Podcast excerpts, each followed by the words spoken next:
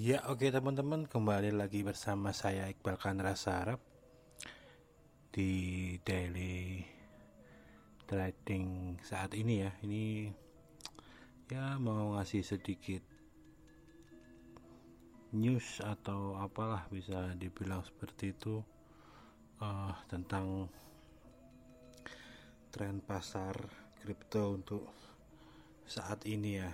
Terutama sih yang paling kelihatan kan yang banyak orang cari atau ingin tahu kan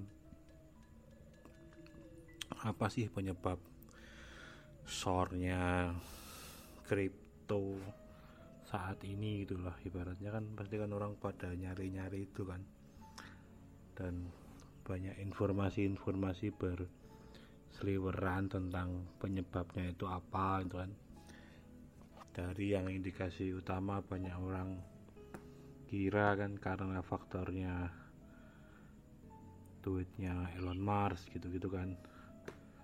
Terus yang baru-baru ini mungkin satu dua hari ini kan faktor tentang uh, apa itu kripto yang di band di China dan lain-lain ya kalau saya sih sebenarnya eh, nggak uh, begitu panik ya dengan keadaan saat ini ya. Karena mengingat kemarin memang kenaikan yang sangat cukup tajam di tahun 2020 akhir sampai ya sampai inilah 2021 hampir setengah tahun 4 bulanan lah sepertiga tahun. Jadi emang sesuatu yang naik emang harus turun itu udah udah kepastian tuh teman-teman. Nggak nggak mungkin lah naik terus orang nggak ada yang nggak ada yang take profit gitu loh. Tapi kalau untuk kasusnya Elon sih emang model sentimen seperti itu sih untuk uh, orang-orang yang baru di dunia kripto terutama angkatan corona gitu itu mungkin emang sangat-sangat menjadi faktor sentimen yang utama ya. jadi apa pun yang Elon tweet terus menjadi hal yang seolah-olah menjadi trigger gitu loh ibaratnya ya buktinya kan emang dari Glassnode dan lain-lain kan emang data data tentang uh, toilet baru yang dia mulai apa namanya istilahnya menjual koinnya gitu-gitu kan mulai banyak ya. Jadi emang faktor yang utama kan dari data itu kan memang yang dikeluarin sama Glisser itu kan memang mengungkapkan bahwa hampir 50% uh, uang yang keluar dari kripto gitu-gitu emang didominasi oleh wallet-wallet yang usianya baru 155 hari lah. Berarti kan istilahnya ya ya kalau dibagi 30 ya emang emang mungkin baru-baru mainan kripto ya awal-awal tahun kemarin gitu loh. Jadi emang ya emang masuk akal sih. Jadi emang yang yang cut loss gitu-gitu emang yang orang-orang yang emang yang baru gitu loh. Dan yang uh, dompet-dompet lama dan lain-lain emang presentasinya sedikit ya. Ya mereka yang melakukan aksi jual gitu loh.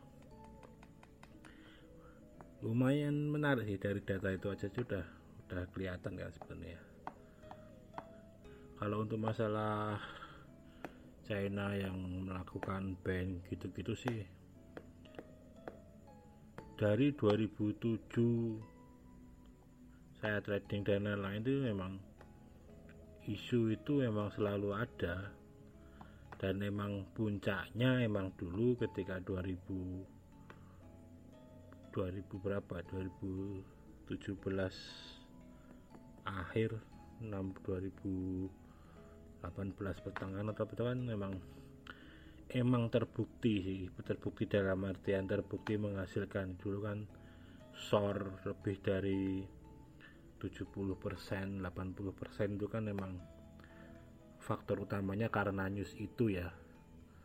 Tapi seiringnya tahun sornya yang kedua terus setelah itu bukan yang kedua soalnya yang setelah itu berlarut sampai sekarang juga diulang-ulang terus gitu loh. Padahal kalau teman-teman sadar kan pool paling gede di sana ibaratnya. Ya nggak mungkin lah ibaratnya kalau itu emang beneran gitu loh. Kalaupun beneran yang di hold kan kemungkinan besar emang hanya transaksinya ya dan kenyataannya peer to peer yang di luar exchange di Cina itu juga emang emang lumayan tinggi. Dia menggunakan situs-situs peer to peer yang uh, transfernya di luar exchange itu loh exchange yang gede-gede gitu loh. Jadi ya emang emang udah hal yang biasa itu loh. Belum lagi kan berita-berita pasca covid itu kan juga banyak rumah makan rumah makan juga mereka malah mining ya merubah restorannya atau apa malah jadi tempat mining karena mungkin bagi mereka lebih menghasilkan gitu loh. Itu tambahan di luar yang emang mereka mempunyai udah udah menguasai pul-pul gede itu loh. Itu di luar itu itu loh. Berarti kan sebenarnya untuk masalah minernya dan lain-lain kan masih aman-aman aja di sana nggak nggak ada gangguan apa pun gitu loh. Dan yang utama sih sebenarnya malah itu. Nah kalau misal minernya udah nggak boleh di sana semuanya dikukuti nah itu malah bisa jadi geger geden kalau orang Jawa bilang gitu loh.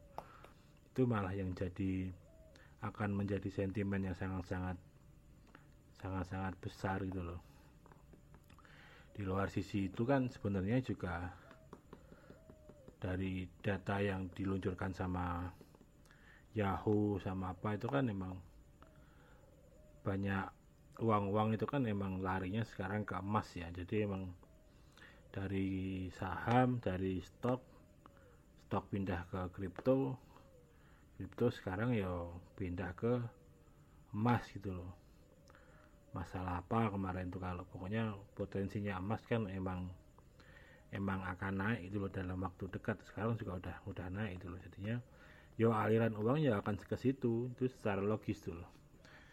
Kalau yang gede terus terus dia keluar dari kripto ya otomatis ya pasarnya soal karena yang kecil-kecil kemarin orang baru bikin akun 4-4 bulan pasti panik kan ketika ada yang well yang keluar gitu loh.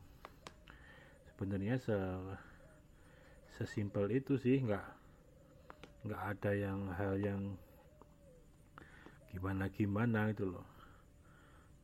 Toh juga kalau yang tahu-tahu berita bahwa uh, Fidelity juga akan melakukan apa namanya mengajukan ETF gitu-gitu kan itu malah nggak pernah disinggung dulu mungkin emang emang belum sih belum media-media singgung sih kalau itu disinggung karena akan menjadi kontradiktif dengan berita-berita buruknya tentang kripto gitu loh. Mungkin nanti kalau ini udah naik baru yang masalah ETF itu akan akan dikeluarin karena pasti orang akan sangat-sangat masif untuk membeli Bitcoin ya. BlockRock dan lain-lain kan juga melakukan pembelian apa melakukan pembelian juga gitu loh buat saya sih itu aja sih mungkin update update tentang kripto ini. Yang jelas sih kalau teman-teman kalau yang lama yang udah main paling enggak setahun lah. Kalau setahun belum ngalamin sih paling enggak dua tahun lah dua tahun tiga tahun empat tahun itu itu pasti pernah ngalamin masa-masa seperti ini dia. Yang mungkin ya biasa aja gitu loh. Tapi kalau yang masuk pas situasi enak masuk pas bulan Desember langsung naik gitu-gitu semuanya naik. Bahkan nggak perlu mikir beli koin apa pun. Di hold sampai uh, April itu naik. Nah sekarang rasain kayak gini pasti sangat-sangat kaget gitu loh. Apalagi yang dia baru dari saham gitu loh. Kalau di saham mungkin faktor penurunannya nggak akan sedrastis ini bisa sampai turun sampai ada yang 50% ada yang berapa persen dalam waktu yang sangat singkat itu. Kalau kenaikan yang sangat tajam mereka nggak heran malah seneng. Wah bagus ya ternyata ya. Tapi kalau penurunan yang sangat tajam mereka malah jadi panik kayak gini. Buat saya aneh juga sih.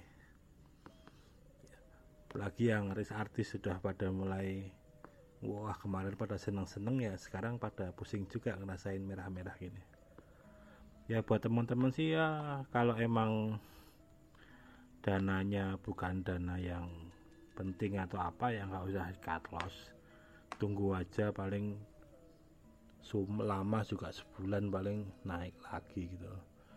Kalau yang dananya penting ya emang agak susah sih kalau CL nya kemarin-kemarin. Sekarang udah udah cukup lumayan cukup dalam tuh mau keluar juga pasti ruginya lumayan tuh.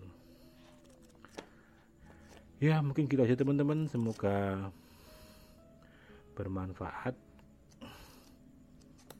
Yang jelas sih jangan 100% percaya dengan media atau apa ya teman-teman. Ya harus menyambung-nyambungkan ya karena ya orang tuh biasanya itu emang kita harus membeli saat beritanya itu buruk dan menjual saat beritanya itu bagus jangan sampai kebalikannya itu loh. Jadi jangan terlalu mentah-mentah berita yang itu ada sentimen di koinnya. Kalau news tentang perkembangan teknologi di koinnya gitu gak apa-apa buat uh, insight itu. Tapi kalau yang wah koin ini akan short gini gini gini ya slow aja. Kalau yang megang juga banyak temennya juga banyak. Jadi nggak usah terlalu dipikirin oke teman-teman semoga ini bikin teman-teman bisa agak tenang lah ibaratnya nggak usah terlalu panik. Tapi panik enggak masa enggak nggak mungkin penuh panik kan? Ya temannya banyak. Oke teman-teman kembali lagi di daily trading selanjutnya. Walaupun gak trading lebih ke sharing ini. Salam olahraga